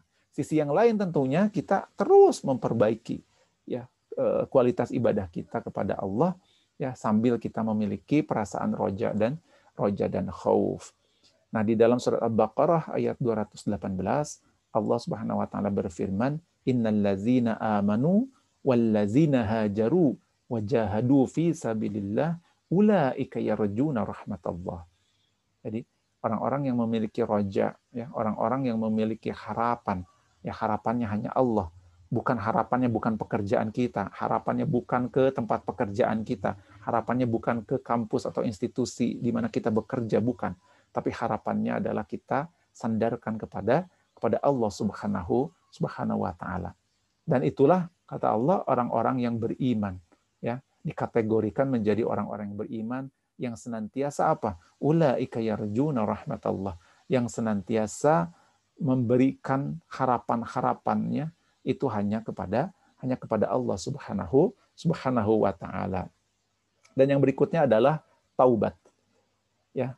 Jadi dampak positifnya ibadah bagi seseorang itu akan muncul sikap taubat apa maksudnya taubat? Jadi menurut bahasanya at-taubah ini berarti arruju' kembali ya, kembali. Sedangkan kalau menurut istilah taubat ini adalah kembali dari kondisi jauh awalnya kondisi jauh dari Allah menuju dekat kembali kepada kepada Allah Subhanahu wa taala. Atau makna yang lain taubat ini e, berarti pengakuan ya atas dosa-dosa kita, kita menyesal, kita berhenti, dan tekad apa untuk tidak mengulanginya kembali di masa di masa datang. Jadi artinya ketika dampak ibadah ini muncul di dalam diri seseorang, ya akan muncul di dalam diri seseorang itu ada perasaan untuk taubat. Jadi senantiasa dia selalu menyesali, selalu me, apa, mengakui atas semua kesalahan-kesalahannya. Dan dari situ dia akan terus mencoba memperbaiki diri, memperbaiki diri. Setiap hari oleh karena itu kenapa Rasulullah SAW di dalam hadisnya tidak pernah kurang dari 100 kali beristighfar memohon ampun kepada kepada Allah Subhanahu wa taala. Padahal Rasul itu ya yang artinya Rasul itu adalah seseorang yang sudah dijamin Allah masuk surga dan dijamin sudah akan dihapuskan segala dosa dan kesalahannya. Itu 100 kali ya memohon ampun pada Allah. Kalau kita sekarang pertanyaannya, kita itu tidak ada yang menjamin kita itu bisa masuk surga. Ya, siapa yang bisa menjamin kita bisa masuk surga? Nah, dengan seperti itu, kalau saja tidak ada satu rutinitas dari taubat ya yang kita eh, lakukan, maka itu bisa kita katakan berarti dampak ibadahnya belum belum muncul ya di di dalam diri di dalam diri kita tentunya. Yang berikutnya adalah doa. Ya, Nabi SAW bersabda doa mukhul ibadah. Ya, di dalam hadis yang lain disebutkan doa huwal ibadah di situ. Nah, jadi artinya doa ini harus bisa mengiringi karena ini dampak ibadah seseorang kepada Allah itu dia akan senantiasa memohon permintaan itu hanya kepada Allah. Ya, itu akan muncul. Tapi kalau yang tidak benar ibadahnya, mungkin dia akan meminta sesuatu atau memohon permintaannya, harapannya kepada selain Allah. Nah, tetapi kalau orang yang betul-betul memiliki dampak positif dari ibadahnya, maka dia akan senantiasa memperbanyak doa-doa ini, memperbanyak harapan-harapan ini hanya kepada hanya kepada Allah Subhanahu wa taala. Meskipun ya eh, dalam kondisi seperti apa pun, baik dia dalam kondisi senang ataupun dia dalam kondisi sulit. Ya, kadang-kadang kan ada juga ya yang berdoa itu ketika kondisi kondisi eh, apa kondisi uh, sulit saja. Kalau kondisi sulit, biasanya kita itu ingat kepada kepada Allah Subhanahu wa taala. Ya, pas sulit kita baru ingat biasanya gitu. Tapi kalau kita lagi senang, lagi bahagia, itu kadang-kadang jarang sekali kita ingat Allah Subhanahu wa taala. Padahal doa ini, harapan-harapan ini tentunya seharusnya senantiasa kita kita munculkan ya, kita panjatkan kepada Allah Subhanahu wa taala baik dalam kondisi senang ataupun dalam kondisi kondisi sulit. Ya, karena itu ini doa mukhal ibadah. Doa wal ibadah. Ya. Jadi bagaimana doa ini menjadi inti dari dari ibadah dan doa itu sendiri itu menjadi bagian dari bagian dari ibadah. Dan kalau kita lihat sholat yang kita lakukan secara bahasa pun itu artinya doa sebetulnya. Karena memang di dalam sholat itu kalau kita perhatikan bacaan-bacaannya itu mayoritas itu doa-doa kepada Allah Subhanahu wa taala. Nah, karena itu ini dampak positif dari uh, seseorang ya yang beribadah kepada Allah, dampak positifnya akan terlihat bahwa dia senantiasa memohon perlindungan, memohon harapan-harapan, permintaan itu hanya kepada hanya kepada Allah Subhanahu wa taala. Hadirin hadirat eh, rahimakumullah, dampak ya terakhir ya dari ibadah kita kepada Allah itu adalah muncul kekhusyuan di dalam diri kita. Jadi kalau secara bahasa khusyuk itu berarti as-sukun ya diam, tenang dan at-tazallul bagaimana ini merendahkan diri kita tadi. Ya sifat mulia ini bisa bersumber dari dalam hati kita. Ya dan akhirnya nanti bisa berpengaruh kepada semua anggota anggota badan badan kita tentunya. Di dalam Al-Qur'an Allah SWT mengingatkan ya wasta'inu bis sabri was salah wa innaha lakabiratun illa 'alal khashiin. Jadi bagaimana sobar ya dan salat ya. Sobar dan salat ini itu harus bisa kita jadikan itu sebagai penolong kita. Wasta'inu bis sabri was salah. Jadi kalau kita ada problem ada apa, coba salat dan sobar. Itu dua uh, senjata yang paling utama di dalam uh, apa menghadapi masalah-masalah kita. Wa inna lakabiratun illa kata Allah. Dan dua hal tersebut, salat dan sabar itu ternyata sangat berat. Illa kecuali untuk orang-orang yang hu, yang khusyuk. Siapa orang-orang yang khusyuk tersebut? Maka di dalam ayat 46-nya Allah melanjutkan, allazina yazunnuna annahum mulaqu rabbihim wa annahum ilaihi raji'un. Jadi orang-orang yang khusyuk itu adalah orang yang senantiasa dia meyakini akan adanya pertemuan nantinya dengan Allah Subhanahu wa taala dan wa annahum ilaihi rajiun dan dia meyakini bahwa dirinya akan dikembalikan lagi kepada kepada Allah Subhanahu wa taala. Nah, ini khusyuk ya. Khusyuk secara bahasanya begini pengertiannya. Artinya bagaimana kita tuh meyakini betul-betul bahwa kita ini dari Allah, maka kita akan kembali lagi kepada kepada Allah dan kita pasti akan dipertemukan dengan Allah dan mempertanggungjawabkan semua perbuatan-perbuatan kita. Nah, inilah ya, khusyuknya itu memang karena memang pemahaman yang benar tentang masalah hidup ini seperti apa. Nah, itulah dampak positif dari dari ibadah yang kita yang kita lakukan tentunya. Ini pun ada di dalam surat Al-Hadid ayat 57 Allah pun mengingatkan ini sebetulnya sebab nuzulnya kepada sahabat Rasulullah SAW ya. Bagaimana itu pun diingatkan mereka tentang uh, supaya tidak terlalu terlena dengan kesibukan-kesibukan uh, duniawi tentunya. Nah, hasil dari uh, dari dampak yang baik dari ibadah tersebut nanti akan berhasil yaitu hasilnya adalah takwa tentunya. Nah, ini yang ingin kita yang ingin kita capai. Jadi kalau kita sudah benar di dalam beribadah, maka hasilnya itu adalah adalah takwa. Ya. Dan Allah akan memberikan berbagai kemuliaan, berbagai fasilitas kepada orang-orang yang yang bertakwa tersebut, ya. Dan fasilitasnya seperti ini, ya. Pertama, wa may yattaqillaha yaj'al lahu makhraja. Allah akan memberikan kepadanya kepada orang yang bertakwa adalah solusi ya dari permasalahan-permasalahan yang dihadapinya. Wa min haitsu la. Allah akan memberikan rezeki dari jalan yang tidak pernah dia sangka-sangka.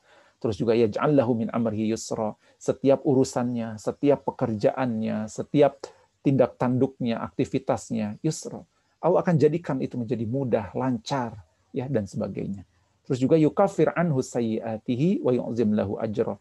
Dan juga Allah akan memberikan penghapusan ya atas dosa-dosa dari orang-orang yang bertakwa tersebut dan juga akan menggantinya dengan pahala yang yang sangat yang sangat besar insya Allah.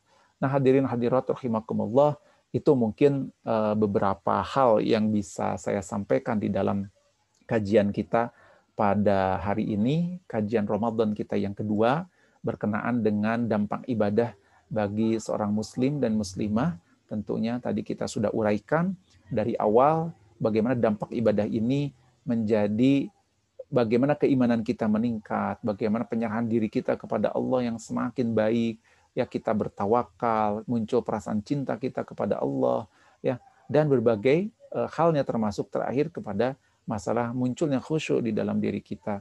Khusyuk di dalam aktivitas kita artinya bagaimana kita meyakini dengan sebaik-baiknya bahwa kita ini akan bertemu dengan Allah, kita ini akan dipertemukan dengan Allah, kita ini akan dikembalikan lagi kepada kepada Allah Subhanahu wa taala sehingga dari sana seseorang yang ibadahnya benar pasti dia akan selalu terus menjaga ibadah ini dengan baik karena nanti dia yakin bahwa hal-hal yang dia lakukan selama ini itu akan dimintai pertanggungjawabannya di hadapan di hadapan Allah Subhanahu wa taala.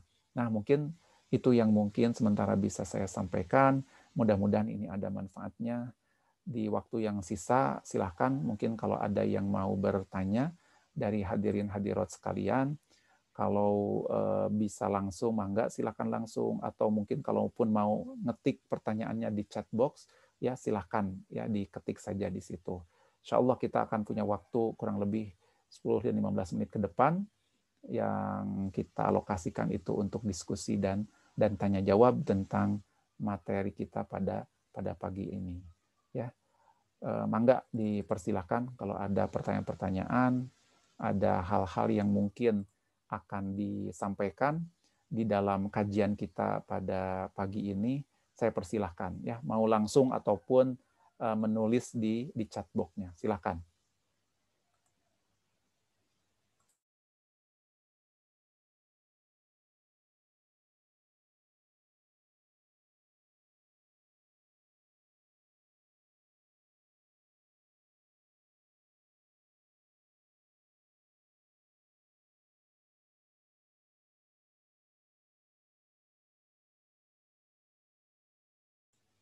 Enggak, silahkan. Kalau mungkin ada pertanyaan atau eh, tanggapan ya, mangga dipersilahkan berkenaan dengan topik kita pada kajian Ramadan yang kedua ini.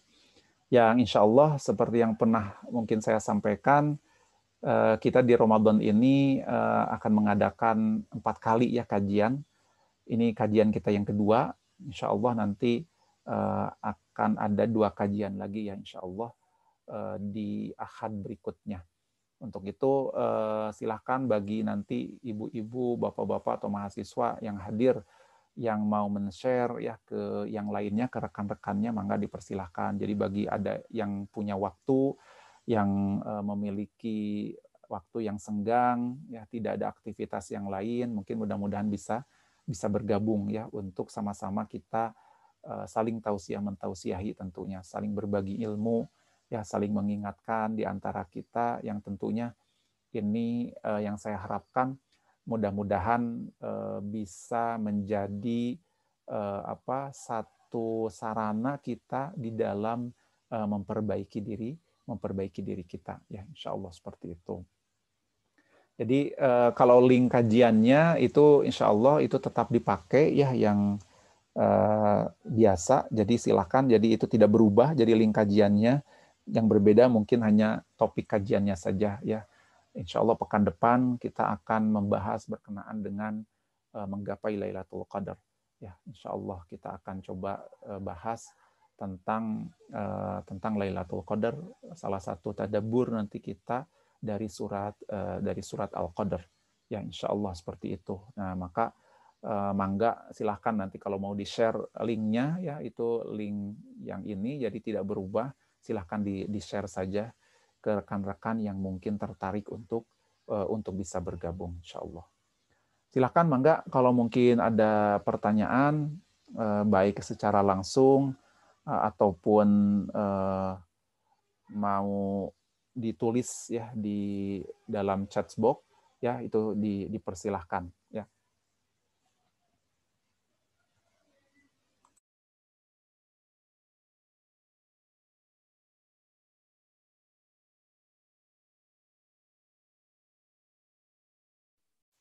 Assalamualaikum Ustaz.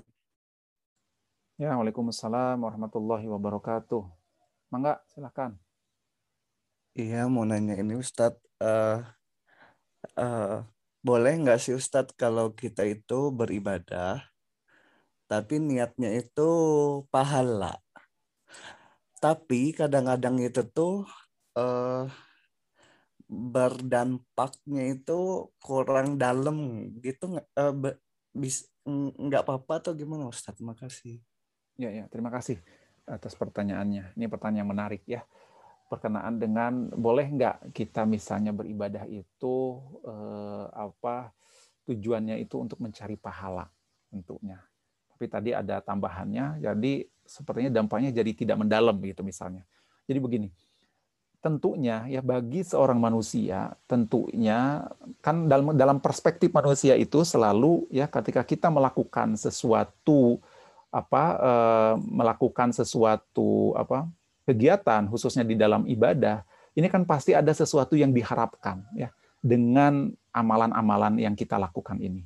Jadi sebetulnya wajar sekali lagi saya katakan ini sesuatu yang natural ketika kita misalnya memiliki satu keinginan, satu harapan ketika kita melakukan ibadah ini karena kita ingin begini, kita melakukan ibadah ini karena ingin begini. Kenapa? Karena memang di dalam Al-Quran, Allah Subhanahu wa Ta'ala pun mengingatkan kepada kita bagaimana balasan-balasan yang sudah Allah siapkan, di mana Allah berikan bahwa ada dua golongan di antara manusia, ada dua tipe manusia nantinya, ada dua jenis nanti kelompok manusia, yang satu mengambil jalan kanan, yang satu lagi mengambil jalan kiri. Ya, di sana Allah katakan wahadainahu sabil imma syakira wa imma kafura. Jadi artinya ini sesuatu sesuatu yang yang wajar tentunya bagi bagi kita. Karena kita manusia tentunya memiliki satu apa? Satu harapan-harapan, satu keinginan-keinginan. Sekarang kan jangan jauh-jauh masalah ibadah tentunya. Kalau kita berpikir mencari tahu saja terhadap pekerjaan kita.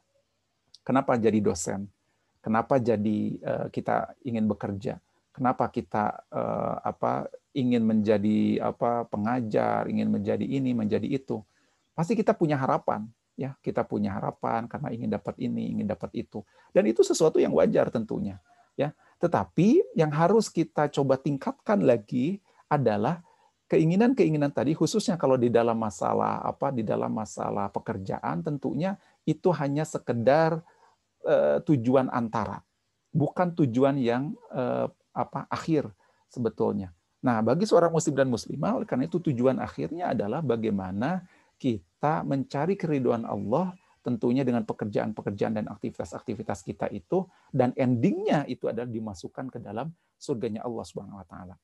Nah, tentunya ketika kita beribadah misalnya, loh, karena saya berharap surganya Allah, ya Allah, saya berharap surgamu, misalnya mudah-mudahan saya saya dimasukkan ke dalam surga, dijauhkan dari neraka, itu kan satu harapan dan itu sesuatu yang diperbolehkan karena Rasulullah SAW pun mencontohkan begitu dengan doa-doa kita ya dengan ibadah-ibadah yang kita lakukan karena kita ingin dimasukkan ke dalam surganya Allah dan dijauhkan dari nerakanya Allah Subhanahu wa taala.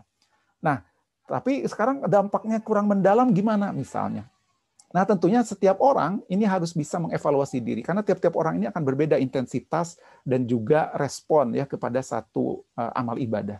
Nah, tentunya gitu. Kalau bagi seseorang yang merasa dengan tujuan tadi pahala dan surga itu merasa belum cukup ya dan dia ingin terus meningkatkan supaya dampaknya itu lebih besar lagi kepada dirinya, salah satunya apa? Misalnya kita untuk mencari pokoknya ridho dari Allah, bukan mencari pahala, bukan mencari surga dan sebagainya. Nah, ini betul memang. Tapi untuk mencapai ke tahapan itu, itu butuh proses tentunya. Kita tidak bisa ya serta merta kita untuk mencari keriduan Allah itu mudah diucapkan ya sebetulnya, tetapi dalam tataran aplikasi ini ternyata tidak semudah yang kita bayangkan. Oleh karena itu kita punya tahapan. Tahapan pertama dengan pahala nggak apa-apa, karena itu itu yang akan menyemangati kita, ya akan menyemangati kita. Oh supaya nanti seperti sekarang kalau kita ngaji, aduh lumayan kan katanya di tiap huruf nanti dihitung oleh Allah, dihitung, dilipat gandakan dan sebagainya. Oh, kita ngitung-ngitung kayak gitu, ya nggak apa-apa. Asal hitungannya itu dengan Allah gitu, jangan hitungannya dengan manusia. Nah, nah itu yang salah. Kenapa di dalam uh, hadis tentang saum ya, uh, tentang saum itu apa? Man soma Ramadana imanan wahtisaban kalau ini kan hadis yang populer ya di telinga kita eh, di dalam puasa Ramadan itu man shoma ramadhana imanan wahtisaban Orang yang akan mendapatkan ampunan, reward terbaik dari Allah itu adalah yang melakukan puasa Ramadan itu atas dasar imanan dan wahtisaban. Nah, iman dan ikhtisab. Nah, ikhtisab ini kalau menurut para ulama, ya ikhtisab itu seperti hitung-hitungan dengan Allah. Tapi hitung-hitungannya dengan Allah gitu, hitungan-hitungannya bukan dengan manusia. Jadi, oh ya, saya tadi udah satu juz nih ngaji. Aduh, tadi ada berapa nih uh, hurufnya ya? Wah, sekian nanti di Allah kalikan sekian. Aduh, alhamdulillah pahala saya ini banyak. Tidak jadi masalah. Itu menjadi sesuatu yang baik. Kenapa? Karena hitung-hitungannya dengan Allah. Tapi yang jadi salah adalah ketika kita hitung-hitungannya dengan manusia. Nah ini bahaya kalau hitungan dengan manusia. Mah, aduh, saya tadi saya baca satu juz. Oh, karena ada wanita itu tuh, ada si ibu itu. Ah, saya kan supaya ter ini jadi bagus nih. Oh, saya satu juz. Oh, rajin nih, orang soleh, orang alim. Nanti kalau ada si ibu lagi, saya tambah lagi deh ininya bacaannya supaya lebih baik lagi. Nah, itu hitungan-hitungan dengan manusia. Tapi kalau hitung-hitungannya dengan Allah, itu diperbolehkan. Oleh itu ihtisab di sana dalam hadis tersebut itu ada hitungan-hitungan kita eh, dengan Allah nggak apa-apa kita hitungan ya Allah oh ya berarti saya ingin nambah lagi nih supaya nambah lagi pahalanya ya Allah nanti saya tambah lagi bacaan Qur'annya itu boleh nah tentunya ketika kita sudah sampai tahapan itu tentunya kita perlu meningkatkan ya kualitas kita tahapannya adalah apa pahala-pahala itu sesungguhnya itu akan kecil ketika kita sudah bisa meraih ridhonya Allah Subhanahu wa taala. Jadi artinya kita tidak mempedulikan lagi pahala nantinya. Kalau sudah tingkatannya advance itu pahala-pahala itu sudah kita tidak pedulikan tapi kita pedulinya keridoan Allah. Allah ridho enggak? Bisa nggak kita mencapai meraih ridhonya Allah Subhanahu wa taala. Kenapa? Karena ketika ridho itu sudah kita ambil, sudah bisa kita capai ridho Allah, maka semuanya akan kita bisa bisa dapatkan ya bukan hanya pahala surganya dan sebagai semua kenikmatan-kenikmatannya pasti Allah akan berikan kalau Allah ri Allah ridho dan kalau Allah ridho tentunya apa tentunya kita pun akan diberikan kemudahan-kemudahan di dalam menjalani kehidupan kita di dunia di dunia kalau pahala mungkin kan nanti di akhirat gitu kalau pahala Nah, tetapi prosesnya ya nggak apa-apa. Prosesnya sementara kita baru bisa berpikirnya pahala dulu nggak apa-apa. Pahala aja dulu supaya ada motivasi kita. Ya motivasi kita untuk beribadah terus pahala-pahala. Tapi setelah satu titik tertentu kita coba tingkatkan. Ya. Nah, kita bagaimana kita mencari keriduan Allah Subhanahu wa taala. La yukallifullahu nafsan illa wus'aha. Ya, Allah tidak membebani seseorang berdasarkan kemampuannya. Jadi bertahap-bertahap saja. Ya, wallah a'lam seperti itu. Amin. Makasih Ustadz. Ya, sama-sama. Mangga yang lainnya kalau mungkin masih ada eh, mungkin satu pertanyaan lagi sebelum waktu zuhur kalau masih ada mangga dipersilahkan.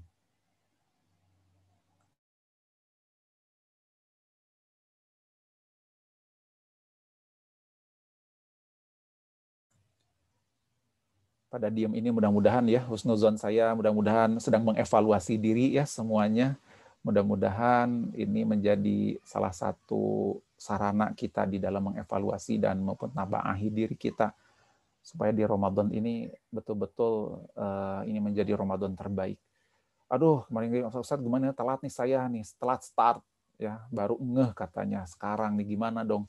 Ini sudah hampir setengahnya Ramadan. Ya tidak jadi masalah. Ya, tidak jadi masalah.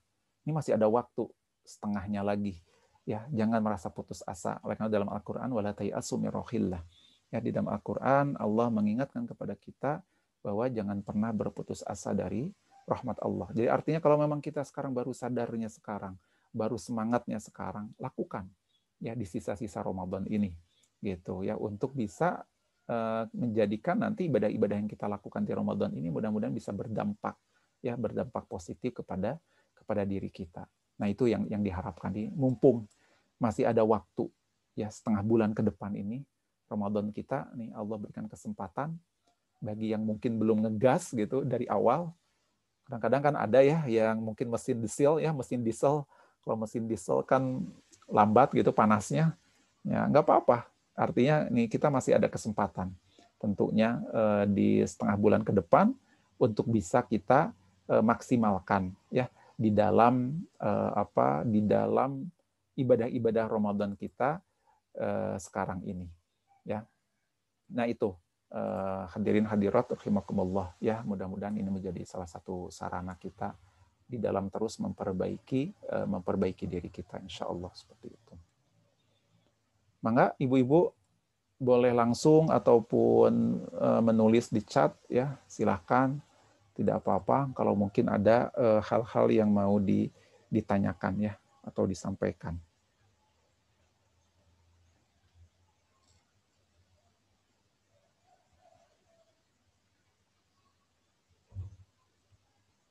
Jadi uh, sekali lagi, insya Allah seperti yang tadi saya sampaikan, mudah-mudahan ini kajian ini uh, berseri ya.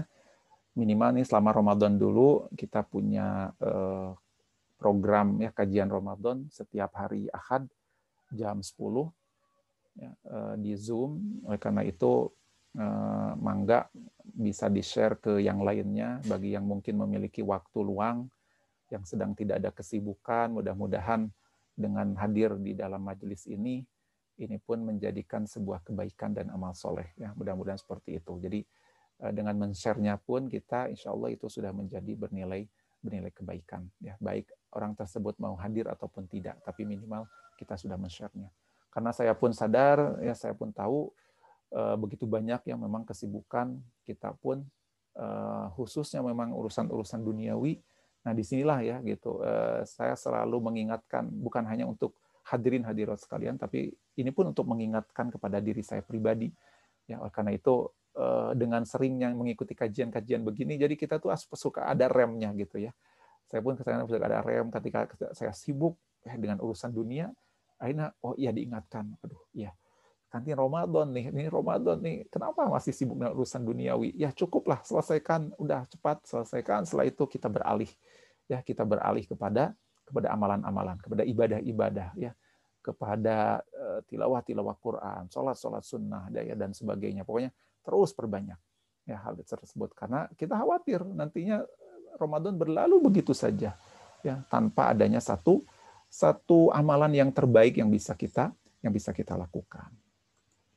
Nah, uh, hadirin hadirat rahimakumullah, uh, kalau tidak ada tidak jadi masalah ya mudah-mudahan apa yang saya sampaikan tadi uh, sudah bisa dipahami dengan baik ya insya Allah mudah-mudahan dengan tadi materi tentang nata ijulang ibadah tentang dampak positif dari ibadah itu ini mudah-mudahan bisa dipahami oleh kita semuanya dan mudah-mudahan ini menjadi salah satu uh, apa penggerak motivasi kita di dalam selalu senantiasa memperbaiki memperbaiki diri kita, insya Allah seperti itu.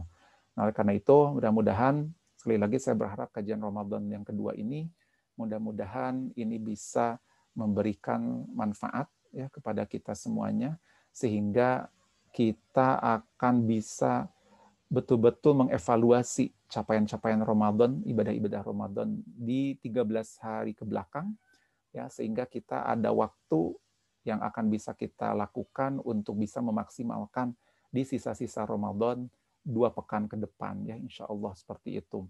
Nah sehingga mudah-mudahan uh, ini menjadi salah satu wasilah, salah satu sarana bagaimana kita bisa memperbaiki diri kita ya dari hari ke hari, dari minggu ke minggu, dari bulan ke bulan dan dari tahun ke tahun. Mudah-mudahan Ramadan jangan berlalu begitu saja ya. Hanya berlalu tiap tahun kita lewati, tiap tahun kita temui, tetapi tidak pernah memiliki dampak yang baik kepada pada diri kita. Oleh karena itu jangan sampai ya eh, kita termasuk golongan orang-orang yang disebut oleh Rasulullah SAW di dalam hadisnya bahwa rahima anfu rajulin ya sangat akan merugi, sangat akan celaka seseorang kata Rasulullah SAW, iza dakhala alaihi Ramadan, ketika datang Ramadan kepadanya, summan salaho, lalu Ramadan berlalu darinya, ya setelah itu ternyata qabla ayyughfaralahu, tetapi dia tidak mendapatkan ampunan dari Allah Subhanahu wa taala. Jadi artinya apa? Artinya khawatir ya, kita masuk Ramadan, Ramadan datang kepada kita, kita juga biasa-biasa saja ya melakukan amalan-amalannya dan ketika Ramadan sudah melewati kita, sudah berlalu dari kita, kita pun biasa-biasa juga, tidak ada satu perasaan apa pun di dalam diri kita.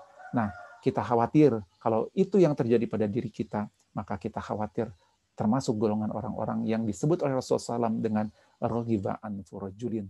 Itu akan celaka. Orang-orang yang seperti itu akan merugi.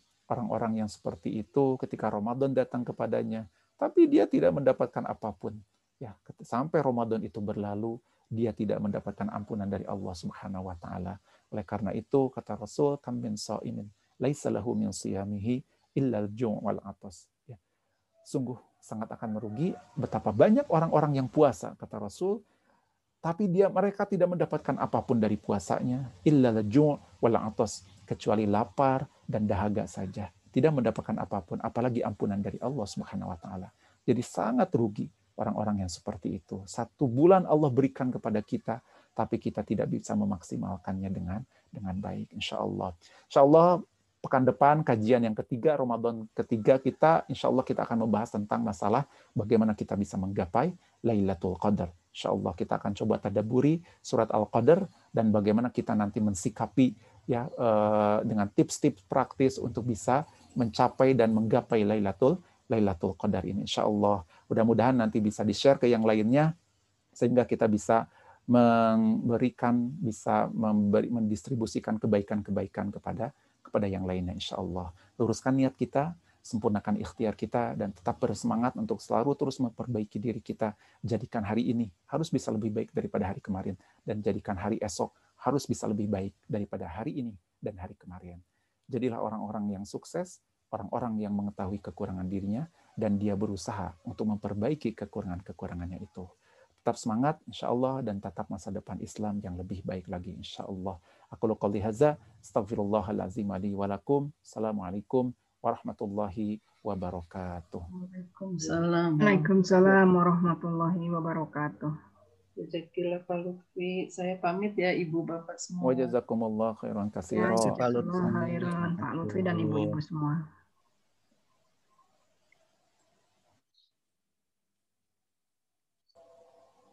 Saya izin live. Assalamualaikum.